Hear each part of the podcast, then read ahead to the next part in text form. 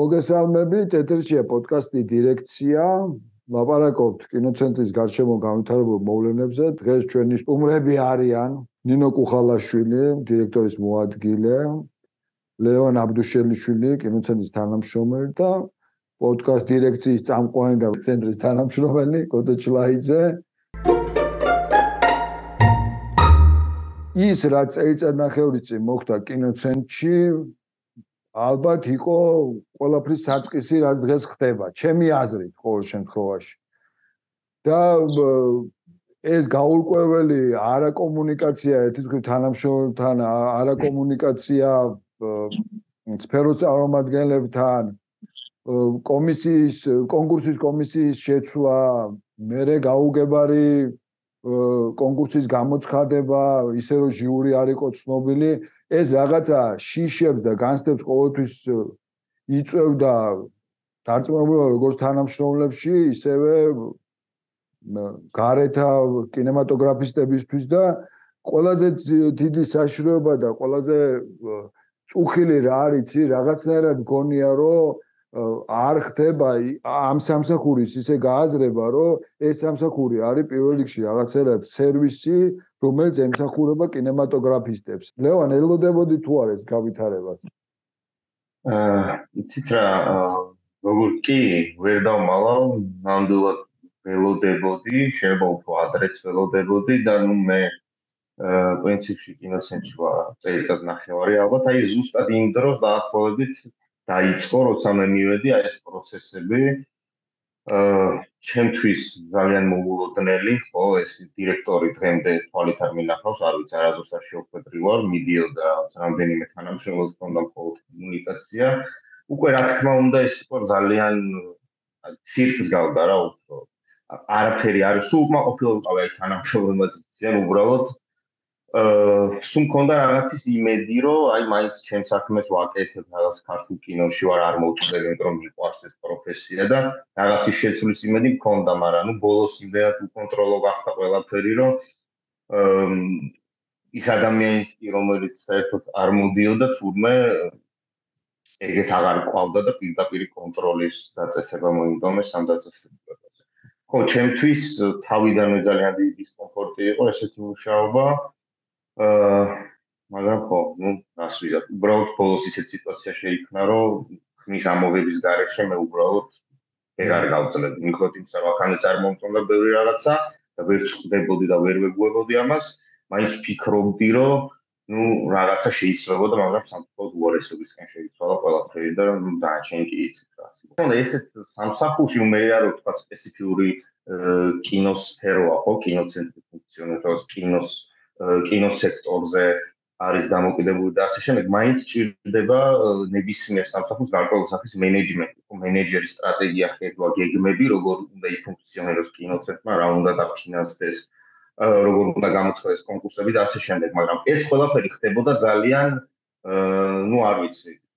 არანაირი გეგმა არ არსებობდა, არანაირი, ну, მოდიოდა რაღაცა დირექტივები, ეს კონკურსი უნდა გამოცხადეს, რომ ამას საფუძველი საერთოდ არ ქონდა რა რატო ისთვის ხდებოდა. მარტივად ვთქვათ, ისეთ სიტუაციაც კი იყო, რომ უბრალოდ არ იცოდი ვისთვის მიგემართა, როდესაც რაღაცა შვებულებაში გასვლა გინდოდან, მეორეზე სამსახურში ვერ მივიდოდი. ეს რა თქმა უნდა არის ну კატასტროფული მდგომარეობა ჩემთვის, როდესაც ну უბრალოდ არ არსებობს ორგანიზაციაში მენეჯმენტი, ეს რა თქმა უნდა გარედანაც ძალიან კარგად ჩანს. ну მე მიყვარს ეს სფერო და ყოველთვის მაინც კინოსთან ვიქნები დაკავშირებული, თუმცა ორგანიზაცია სადაც მუშაობ, ну საერთოდ არ იყო ამ კინოს მიმართ რაღაცა აქცენტები და რაღაცა გულის ტკივილი, ასე იმპათიურ დამოკიდებულებას ვერ ხედავდი და ну ხედავდი რომ ადამიანი რომელიც კინოსენის დირექტორი იყო უნდა და არც უნდა ეგეც არ ვიცი მე მგონი არც უნდა და საერთოდ ну მithundes არც დაინტერესებულა რაღაცა სიგნუსელად რომ გაიგო ამ სფეროს პრობლემები და თუნდაც მაინც თანამშრომლებს თავიდანვე სექტორ დალაპარაკებდა და გაეცნო და გეგმები თქონდა რა თქმა უნდა ეს გეგმები საერთოდ არ არსებობს და ვინც ყოფილი იყო ნუ უბრალოდ არ ვიცი რა მიზეზით შეიძლება და ყოფილიყო თუნდაც კინოცენტრი რომელიმე თანამშრომელი კმაყოფილი იმიტომ რომ მე რაღაც მომენტში მართლა ცოტა უხერხულობის განცდა მქონდა, მე თვითონ არ მქონდა კითხვებზე პასუხები, რა ის რატო ხდებოდა, ის რატო ხდებოდა და ნუ რა უნდა მეთქვა მაგალითად ჩემი მეგობრებისთვის, რომელიც ნუ ჩემი კოლეგები არიან და გარეთ კინოსექტორის წარმომადგენლები, რომლებსაც ნუ პირველ რიგში კინოცენტრი ემსახურება. ხო, მაგრამ ამაზე პასუხები არ მქონდა და ეს შემში იწვევდა ძალიან დიდ იმედგაცრუებას და დისორიენტირებას სრულიად. ხო, რა ნინო შეიძლება ვფიქრობ, ალბათ მოსალოდნელი იყო ეს ყველაფერი, ხო თუ?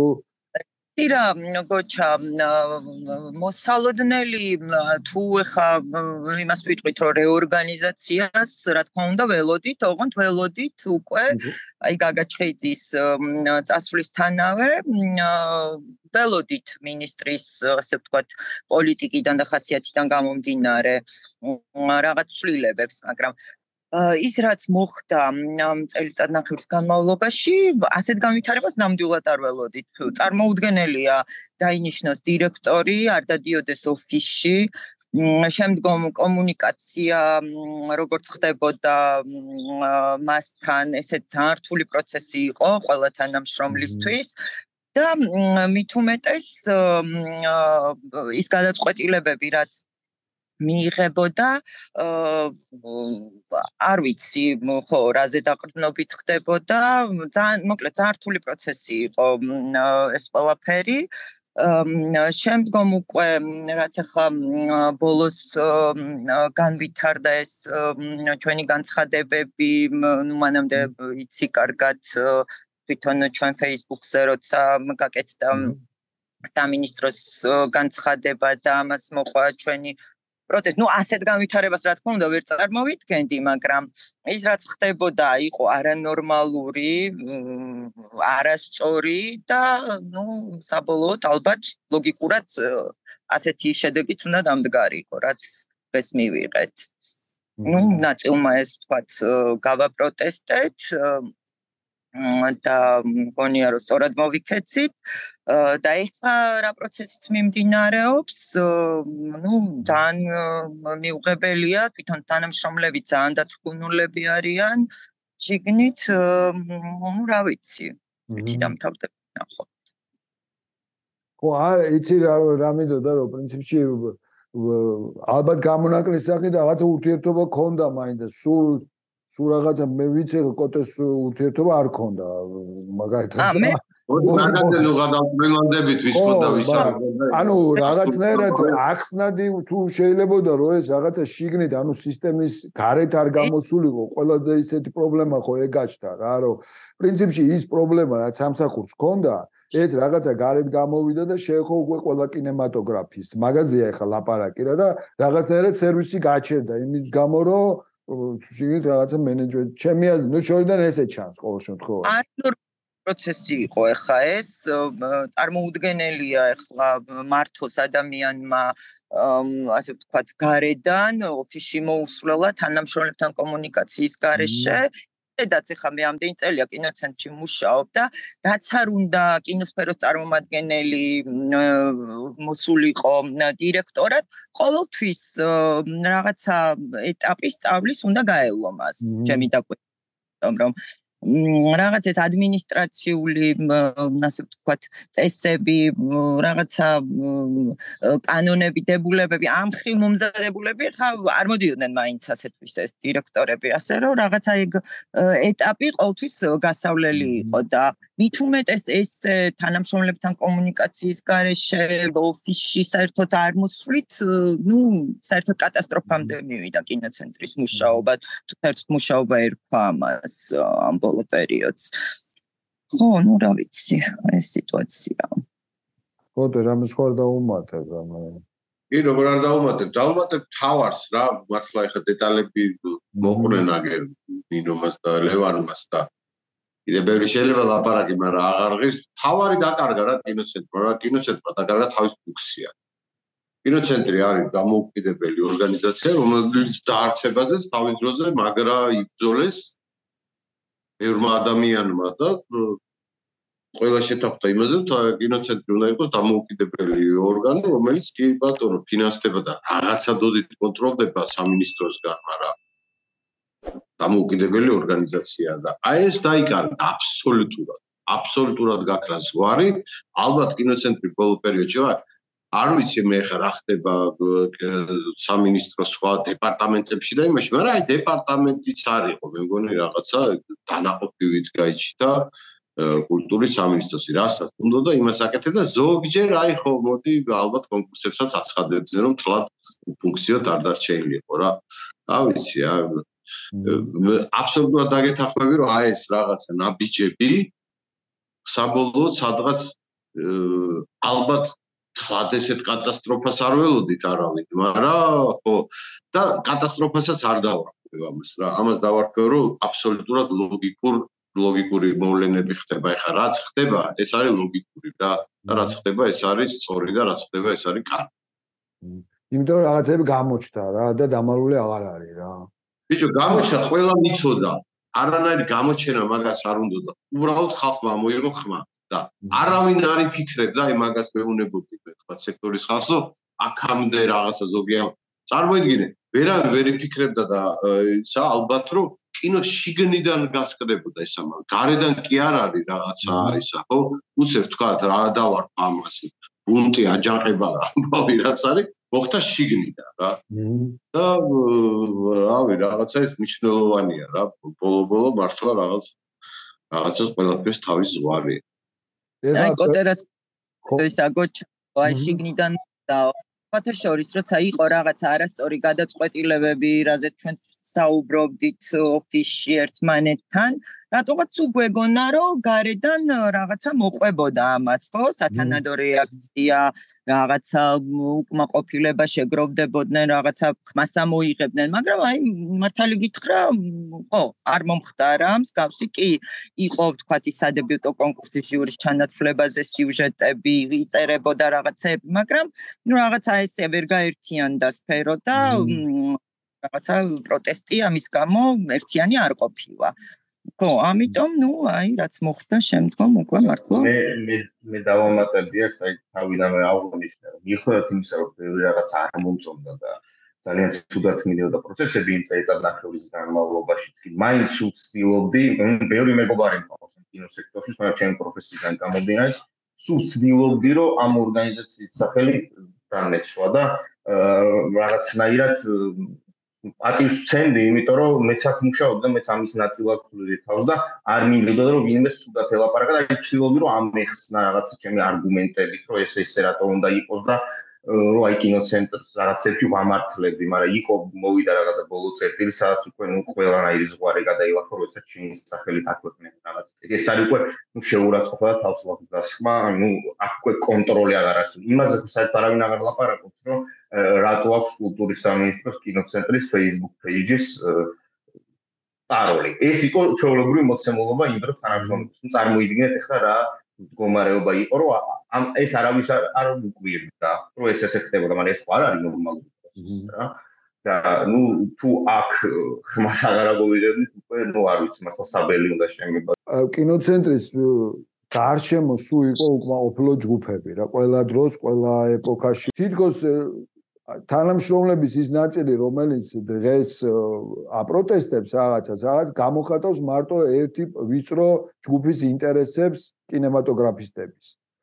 და არის თუ არა ესე, თქვენ მითხარით რა და ამაში ვერ დაგეთახმებით. ეს ილუზია რაღაცერად იქნება. ყოველშევ ამას კულტივირებენ ესე რა. მაგ ილუზიას ქმნიან რომ ადამიანები რომლებიც ხმას არ იღებენ და ძალიან მარტივი ამას კონკრეტულ კითხვა, ну რასაც უსმენ მაგალითად ის რომ ვინც დანიშნეს კინოსეს დირექტორს, უნდა იყოს, მაგაზე ვერავინ ვერ გეტყვის, რომ კი სწორია. უბრალოდ არის პოზიცია, ან ამბობ, ან არა. გარკვეულ ბევრი მიზეზია, ხომ იცით, თქვენ თუ რატომაც მას არიგებს ვიღაცა და რატომაც ისეთ მიზეზებს ასახელებენ, საერთოდ იმის თქმაც არ ღირს. მაგრამ არის მარტო თეთრი და შავი ამ შემთხვევაში. საჟელასულების ყოფილი თანამშრომელი და ნუ ხო ხო მაგრამ ხო გესმის ეგ ნოვა პროებიტია და ეგ ამის თქმას რომ არასტორია წინ არაფერი არ უდგას ან ამბობ კის ან არას არასწორს ეგ მიზეზები თანამშრომლების ნაწილი ანუ ჩვენ ვინც გამოვედით და თქვა პროტესტი გამოთქვით მაგრამ ვიწრო ჯგუფის თუ არ გამოვიდგას ყველა კინემატოგრაფის მიმართ და ის ადამიანები უბრალოდ ვინც ხმა მოიგო მაგიტო განაჩენს გუეთორე იმ ადამიანებს არაფერს არ ვეჩი ძალიან კარგი რეჟისორები არიან ბევრი მის მასალებს, მაგრამ ეს სხვა მიზეზის გამოა არ მინდა დავასახელო. აქ ხომ თავარი გოჩა ის არის, რომ სწორი პროცესი მიდის ახლა ამ პროტესტის სახით, იმიტომ რომ ის რაც ხდებოდა და რაც მოხდა იყო არასწორი, ხო? აქ არა აქვს მნიშვნელობა იმას, სრულიად მთლიანად ყველა კინემატოგრაფისტი და ამ სფეროს წარმომადგენელი დაუჭერს თუ არა. იმიტომ რომ ხა სრული უმრავლესობა შეიძლება ვერც ერთ საკითხზე ვერ მოგროვდეს, ხო? ქვეყანაში ყოველთვის ეგრეა ხოლმე, მაგრამ არის ხო, არის სწორი პროცესი და ყველა ხედავს ამას. და მთავარი ეგ არის რომ ნუ ვინც საღაზრზეა, ყველა იზიარებს, ხო ამას. აქ ლაპარაკი ხო იმაზეა, რომ ესე იგი სამინისტროს მინისტრი ფაქტიურად ერევა დამოუკიდებელი სიპის ფუნქციონირებაში იჭრება მის ფუნქციებში ზემოდან ასე ვთქვათ არნახობს ну ამ შემთხვევაში ну ძინა დირექტორიც და ეხლა მოვალეობის შემსრულებელიც ну არის ფაქტიურად მისი ასე ვთქვათ მარიონეტი და აბსოლუტურად აი ესეთი პროცესი გვაქვს არ გვყავს დირექტორი რომელიც აი ვილაპარაკეთ უკვე ბევრი ამაზე რომელსაც აქვს სტრატეგია ფიქრობს კინოზე. და აი ეს პროცესები მიმდინარეობს და ეს არის მნიშვნელოვანი ახლა რომ აი ეს სწორ პროტესტს დაუჭიროს მხარი.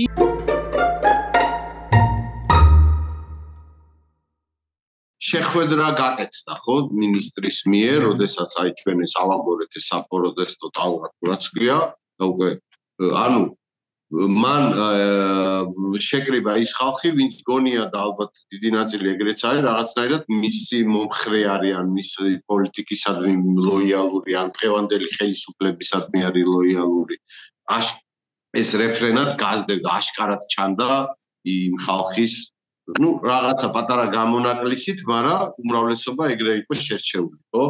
და აი ამ შეხვედრის მერე რომელზეც ჩვენ გქონდა ძალიან ცხარე კამათი რომ ჩვენც რაღაცა მოკლედ რა ამ შეხვედრაზე რაღაც შეიძლება ჩვენც სიგნალები იყო რომ შეიძლება ჩვენ შესულიყავით არ მაგრამ ეგ მეორე საკითხია რომ ამ შეხვედრა მაჩვენა ის რომ აშკარად ფიასკო განიცადა ამ შეხვედრამ. იმიტომ რომ იმ ხალხის 90 შეიძლება 19% იქიდან გამოვიდა რაღაცნაირად ისე რომ მე არანაირი კომენტარი აღარ გაუკეთებიათ. ისინი ჩვენ ისინი დუმილს ინარჩუნებენ, მაგრამ ვერ და არ არ უპირისპირდებიან იმ პროცესებს, რომელიც ახლა მიდის, იმიტომ რომ ის პროცესები იმდენად აშკარად მართლები ვარ ჩვენ ამ შემთხვევაში რა, რომ ისეთი მოთხოვნები გვაქვს, რომ აი როგორ უნდა დაუპირისპირდეს მაგას, რომელიღაცა კინემატოგრაფისტი მე რაღაცა წარმოუდგენლად მიმაჩნია რა. ნუ პირისპირებიან ყვილებით მხოლოდ. მინისტრის დაბერებით, რომლებიც აღნიშნულებიან აა არა კინემატოგრაფისტები, არამედ ჩინოვნიკები, პარლამენტარები, აი ვიღაცა გაუგებარი ხალხი, რომლებიც აწი უკვე რა ქვია, მეუფეების ჩაერთენ რაღაც აი საერთოდ ისეთი გაუგებარი ხალხი საუბრობს კინოზე რომ ის არის ხო? რა ნონსენს დაუგან საქმე და აი შიდა თითქოს მე რა ვიცი აი ესე ოპტიმისტურად უყურებ ამ მოვლენებს რომ შიდა გახლე გაახეთკილება აი ესე აშკარად არ არსებობს ამის თელობები ძალიან ბევრია და ყოველდღიურად არის მაგრამ აი ჯერჯერობით რა ვიცი ტენდენცია არ ჩანს რაც მე მახარებ თქვენი ოპონენტები საზოგადოებას მიმართავენ. ისინი საზოგადოებაზე აპელირებენ. ჩემი აზრით ეგ არის დიდი პრობლემა რომ ეს რაღაცნაირად ამ ამ შიდა წვენში იხარშება თითქოს და საზოგადოების მიმართვა არ არის მის რასაც ამბობს, აი მაგალითად აი ბაჩო დიშარია როცა იყო იმ ცნობთან მიწვეული და ლაპარაკობდა, აი მაგ მაგ კითხვით დაიწყე ხო პრინციპში შენ. ლაპარაკობდა იმაზე, რატო დაინიშნა ფილმწარმოების დეპარტამენტის უფროსის მოადგილედ, ხო? რომ აი დაფინანსდეს ისეთი ფილმები და იყოს ისეთი ფილმები, რომელიც იქნება მაყურებელში პოპულარული და რაღაცა ისეთი პატრიოტული თემა შეიძლება არ ვთქვას, მაგრამ თუნდაც რაღაცა ბედნიერი ფინალით და ასეთი მიზნები აქვს. აი ჩვენ ყველანი კინოცენტრში მუშაობთ. მუშა, მუშა, კი, შენ არ გისმენია და და საერთო წარმოდგენა არა აქ კინოცენტრის მუშაობაზე. ძალიან ცდება. მსგავსი მიზანი მიიღწევა ძალიან ცდება. და თუ თუ არა ამიზნით მოვიდა და ვიცით რომ ამიზნით მოვიდა ეგ არის უბედურება და ეს უნდა დაინახოს ხო ყველა? ზოგადად ეხლა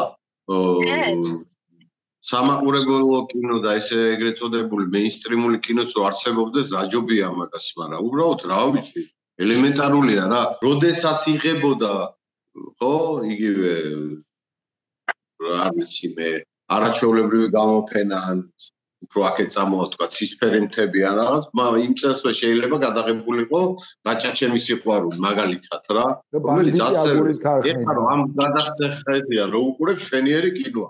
იმდენის ყველა ვინც კი საქართველოს სახიობი იყო, ყველა იქ თამაშობდა და რაღაცა. ეხლა წლებს რა თქმა უნდა უყურებ, მაგრამ ზოგადად ვაუბრ რა პრინციპს რა. რაც მეტი იქნება, რა თქმა უნდა, მით უკეთესი იქნება, მაგრამ ეხლა გვაქვს ეს მოცემულობა და მე ვიცი რომ რაღაცა მზადდება კანონი ახლა ზუსტად არ ვიცი რომ შეიძლება საზოგადოებრივი მოხსნების ბიუჯეტის 10% კინოზე წავიდეს და რავი აი მან ხედავ გამოსავალს და შეიძლება ეგ თავისით დაალაგდეს ამიტომ შეეშვით კინოცენტრს იმიტომ რომ მოგეუბნები მილიონი რაღაცა მართლა გამოსასწორებელი და გასაკეთებელია იმიტომ რომ რაღაცა დრო გავიდა და რაღაცების გადახედვა შეიძლება, მაგრამ ეხლა თავარი პრინციპი რომ და რამდენ ამასინაც საუბრობდი ზუსტად რომ რავი, რამდენიმე შეიძლება 7-8 წლის წინ კინოცენტრი თვლებოდა ერთ-ერთ ყველაზე ეფექტურ ფონდად ევროპაში ზოგადად რა მოდელი და ის იმიტომ რომ რავი, კარგად მუშაობდა რა. ფული უნდა მეტი არაფერი რა მაგის თქვა მინდა. დანარჩენი პატარ-პატარა ისინი გასწორდება ჩეულებრივად და მაღაზე ვიკამათოთ. და არა რა იმაზე რომ რაც საკამათო არ არის რომ სამინისტრო არ უნდა მართავდეს კინოცენტრს. კინოცენტრს უნდა მართავდეს თავისი დირექტორი რომელიც ერკვევა კინო პროცესებში და კინოში ზოგადად. კი, მართალია, ვეთანხმები კოტეს, ხა კინოცენტრი იდეალური ორგანიზაცია ხა ყოფილა არასდროს, რა თქმა უნდა, სულ აქვს რაღაცა პრობლემები, რომლის გამოსწორებაზეც უნდა ვიზრუნოთ, მაგრამ ეხლა რაც დგას ყველაზე დიდი პრობლემა ის, რომ იმართება მინისტრის მიერ და არის ჩვეულებრივი დეპარტამენტი კულტურის სამინისტროსი ეს არის ყველაზე დიდი პრობლემა და გას უშლის ეს ყველაფერი ინოცენს ნორმალურ ფუნქციონირებაში. აი იმ მინიმუმის კეთებაში რაც მისი ფუნქციაა აი ამაში უშლის სწორედ ხელს თორე ის რო რაღაცები არის გამოსასწორებელი და გასაუმჯობესებელი ეს ჩვენ ყველამ კარგად ვიცით. რომ მინდა გავაჟღერო ხო? ეს ორი ძირითადი მოთხოვნა არის ლაპარაკი რომ რეორგანიზაციის პროცესი შეჩერდეს და კინოცენტრის დირექტორი აირჩიეს კონკურსის სახით, ანუ კონკურსის საშუალებით უბრალოდ ჟიური მაირჩიოს ყოველთვის რეკომენდაცია გასცეს მინისტრ ვინაჩოს და ეს უნდა იყოს ეს ადამიანი ნუ უფრო მარტივად რო თქვა შეიცვალოს დირექტორის არჩევის წესი იმაზე კი არ არის ლაპარაკი რომ აი ჩანაწერი არ არის ისეთი და ამიტომ არა გვაქვს ამის შესაძლებლობა. აქ მოხდა სწორედ ის რომ ხდება უხეში ჩარევა აბსოლუტურად არ აინტერესებთ არც კანონი არც რა ვიცი კინოცენტრის პრაქტიკა და აქედან გამომდინარეა ეს პრობლემები. კი, კი ბატონო, საკანონმდებლო დონეზე არის რაღაც ჯარევა, მე მაგიტო დავიწყე. მაბატე გეჩიობი, მაგრამ წელიწად ნახევარი და ალბათ მანამდეც იყო რაღაც ეგეთი ბა, ხა მე არ მინდა არავის არაფერი უთქვა, მაგრამ მოდი ესე ვთქვათ, რომ ესეთი პრაქტიკები იყო, იქნება სამწუხაროდ მომავალშიც და არა, კი, მე იმას არ უარყოფ, რომ უნდა იყოს სწორი ჩანაწერი, მისაღები ყველასთვის, რომ ნაკლებად მოხერხდეს, თქვათ, ამისი დარღვევა თუ შეცვლა, მაგრამ აქ ასევე მნიშვნელოვანია აი რაღაცა პირი, რომელიც ირგებს ყველაფერს ან ახტება კანონს და ამაზეა ახლა ამ წუთას კიდე ლაპარაკი. ხო, ანუ ეს არის დიდი პრობლემა.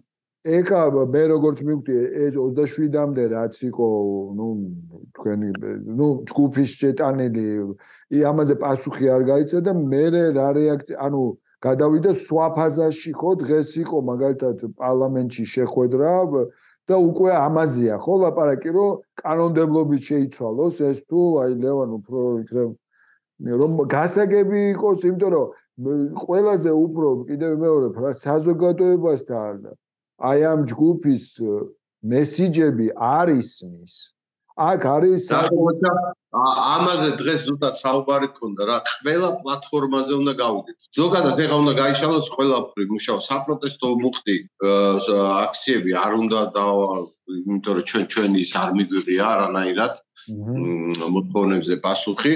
და ამიტომ პარლამენტი ერთ-ერთი მნიშვნელოვანი ადგილია სადაც შევეცდებით ყოველ შემთხვევაში ყველანაირად მომივაწვიონ და აბსოლუტურად ყველა მხარეს იქ სხვა კულტურის სფეროებთანაც შვილი რაღაცა რა ყველა მხრივ უნდა გავიშალოთ.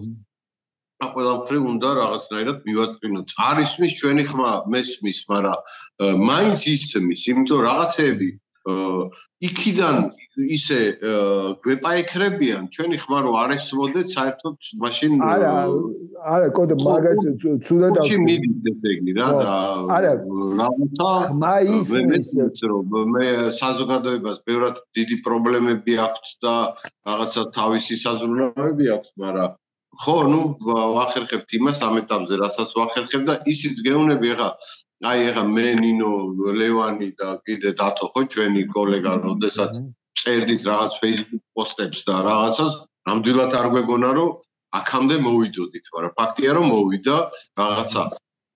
ტალღა თუ არა რაღაცა ის მაინც ხო არის მოძრაობა ყოველ შემთხვევაში რომელიც აი იმ ანკიერებსაც ამხელს რაც თქვა მანამდე იყო და იმ პრობლემებზე დაფიქრდა რომელიც მანამდე შეიძლება იყოს და იქნებ ისეც გამოასწოროთ და ნუ ეხა მოთხოვნები მოთხოვნებად რჩება რაც აუცილებლად გამოსასწორებელია მე მგონი. ეს ნაბიჯი არის პარლამენტის კულტურის კომიტეტზე გატანა ამ საკითხის. ნუ ჩვენ ყველა სამართლიანი დემოკრატიული მეთოდით მართავთ ხალხია და ვიბრძოლებ ბოლომდე და პოტენ როგორც თქო, ნუ ეს ორი მოთხოვნა არის დასაკმაყოფილებელი და ის სანამ თქო დირექტორის არჩევის წესზე ვისაუბრეთ, პირველ რიგში ხო ყველაზე ლეგიტიმურია რომ უნდა შეჩერდეს მიმდინარე რეორგანიზება. აჰა.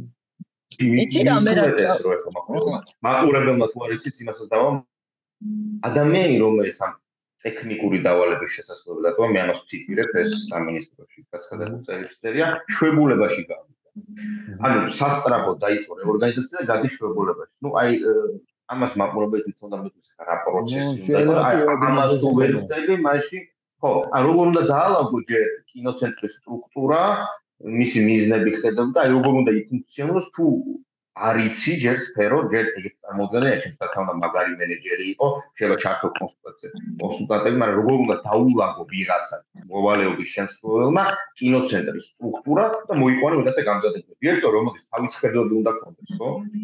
სტრატეგიები და მას შეიძლება კიდე დაიწყოს რეორგანიზაცია იმიტომ სხვანაირად ხედავ ვიღაცის დაალაგებულზე ვინ მივა ხა მე ისაც არ მე მე არ მენეჯერის ფილებს არ მოიწევ რეორგანიზაცია. შენი დეპარტამენტები უნდა დაალაგო ხო როგორ უნდა იფუნქციონოს თუ არ გესმის ეს სფერო რანაირად უნდა დაალაგო? თუ არის რა არის კინოწარმოების დეპარტამენტი არის რა არის კინოპოპულარიზაცია კინო ექსპორტი. რანაირად დაალაგებ ამას? თუ ვიღაცამ არ მიიგიც ხო ეს ხო ორჯერ ორი ოთხი.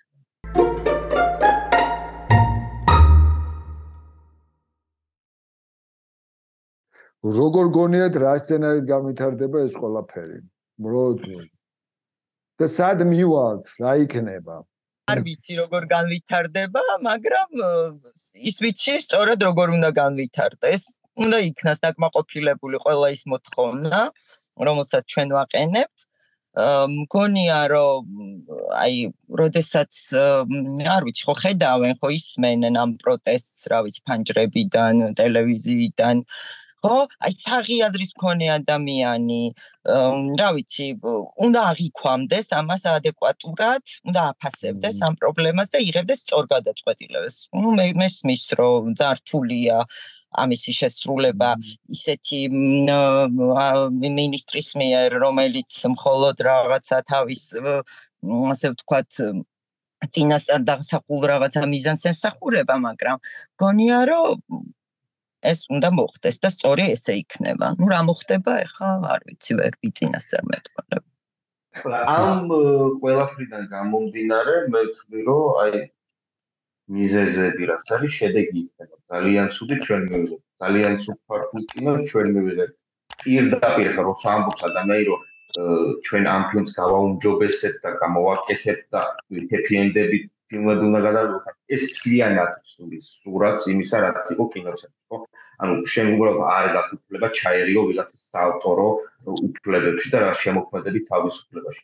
როცა გინდა კონკრეტულად რაღაცა გაგიკეთოს ავტორმა ამ ფილმ რეჟისორმა, ეს რა თქმა უნდა მე ქსოვის ქართულ ნაწარმოებს ეთხოვა და ამას დამალა. ამას ისტორია შემოინახავს და ჩვენ გვექნება აი პერიოდი არის იმედი არ გაგზავნა, მაგრამ ძალიან ცუდი აი სამართლინო სასაცილო ქართული კინო ისეთი როგორიც აი იქაც ვახსენებ გადაცემაში აი კულტურის სამინისტრომ გამოაცხადა კონკურსები სამეცნიერო დოკუმენტი არ ვიცი რა ქვია მაგრამ სამეცნიერო დოკუმენტი ფილმები მოკლედ ეს ანიმაციის სტუდიაზე სადაც voice-over კატას გარეთმით მინის სუქიან მადლობებს რომ არემონტებს ანიმაციის სტუდიას. აი აი ესეთი თქვა შეიძლება იგეთი არა მაგრამ დაახლოებით აი ეგეთი მიზნები ექნება გასაფრთხილ კინოცენტრს რომ მოდი ვაპიაროთ ის რაც ჩვენ გვჭირდება და რაცა ფსევდოპატრიოტული კონსერვატიული მეთოდი. ჩვენზე პატრიოტი არავინ არ არის, მაგრამ დამეცინოთ ჩემი ქვეყანა ძალიან მიყვარს და კარგი კინოც მიყვარს და ძალიან მაგარი პატრიოტი ვარ და ჰიმსაგვერი ვარ რაღაცა ბულზე ხელსას ვიჯემარ. კი, არ არის პატრიოტი. ეს არის უბრალოდ ხალხისთვის თვალებში ნაცრი შეება და ეს არის ნუ რაღაცა დილეტანტების და არაკეთი მოსულნეების ხელში გადასული ფაქტი იქნება და ამას ექნება ძალიან ცუდი შედეგი. და არ ვიცი და ნამდვილად არ ვიცი რა იქნება. მაგრამ შემიძლია ვთქვა რა მოხდა რა და საერთოდ ძალიან პატარა პერიოდი გავიდა რა, ორი კვირა გავიდა აი მოვლენებში და იმდენ რაღაცა მოხდა და მე მინდა დავაფიქსირო პატარ-პატარა გამარჯვებები. ფაქტია რომ მოხდა რა. პირველი არის რომ და ესენი გონია რომ აი ხას გასასმელი რომ პირველი რომ ზალა ჭაობში ვიყავით და ჭაობში აღარ წედავთ ვარ მაგარ უკვე მორევში ვართ და იმაში მაგრამ სადმი ვალთ არ ვიცი მაგრამ ჭაობში ჯდომას ყველაფერი ჯობს.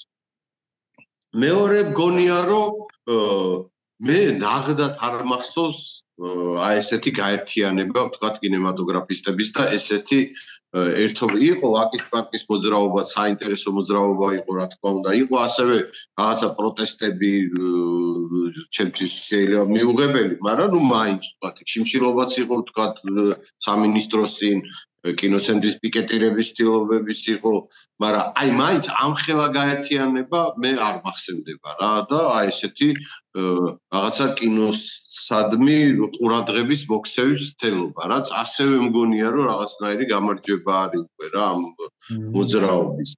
ასევე მგონია რომ აი იმ შეხვედრაზე ministrმა დადო რამდენიმე პირობა, თუნდაც ბიუჯეტის გაზრდა, ხო? ამაზე საერთოდ ლაპარაკი არ მოხილა. და ესეც გონია რომ ჩვენი გამარჯვება არის რა. ბიუჯეტი თუ გაიზრდება არის ჩვენი გამარჯვება და ეს ყველა უნდა იცოდეს. იქით ამ ხარესაც და აქეთ ამ ხარესაც თქო იგივე შეფიქრდნენ კინოცენტრის თანამშრომლებს რომ გაიზრდება ხელფასები. ეგეც კინოცენტრის თანამშრომლებმაც უნდა იცოდნენ და სხვაებაც რომ ეს არის ჩვენი პროტესტის შედეგი. ამიტომ რაღაცა აი წერტილოვანი რა თქმა უნდა ჩვენ გვაქვს სულ სხვა მიზანი და ბევრად უფრო რთულად მისაღწევი მიზანი მაგრამ აი ამ ორ კვირაში ხო გეუბნები რა ჩამოთვალე უკვე რავი ამას წლები ჭირდება ხოლმე ზოგჯერ. ორ კვირაში უცებ მოხდა ამდენი რაღაცა რასაც რა ვიცი მართლა ძალიან მნიშვნელოვანი მგონია რა და აი ამას ხო გეუბნები ყველა ხაზი უნდა გაუსვათ რა იმიტომ რომ ეს არის ჩვენი რაღაცნაირი ესეთი პატარა მაგრამ შეიძლება სულაც არ იყოს პატარა გამარჯვებები. კარგი, ამ მაჟორულ ნოტაზე დავამთავროთ მაშინ ძალიან დიდი მადლობა. ეთერში იყო პოდკასტი დირექცია, ჩვენ სტუმრები იყვნენ ნინო კუხალაშვილი, ლევან აბდუშელიშვილი და თანაწამყვანი სტუმარი კოტეჩლაიძე. ძალიან დიდი მადლობა წარმატებებს გისურვებთ და რომ ვისურვებდი რომ როგორც კინოცენტრის თანამშრომლებს გაგესაუბროთ ისევ ცოტა ხნის მერე. მადლობა. დიდი მადლობა და ნახვამდის. ნახვამდის.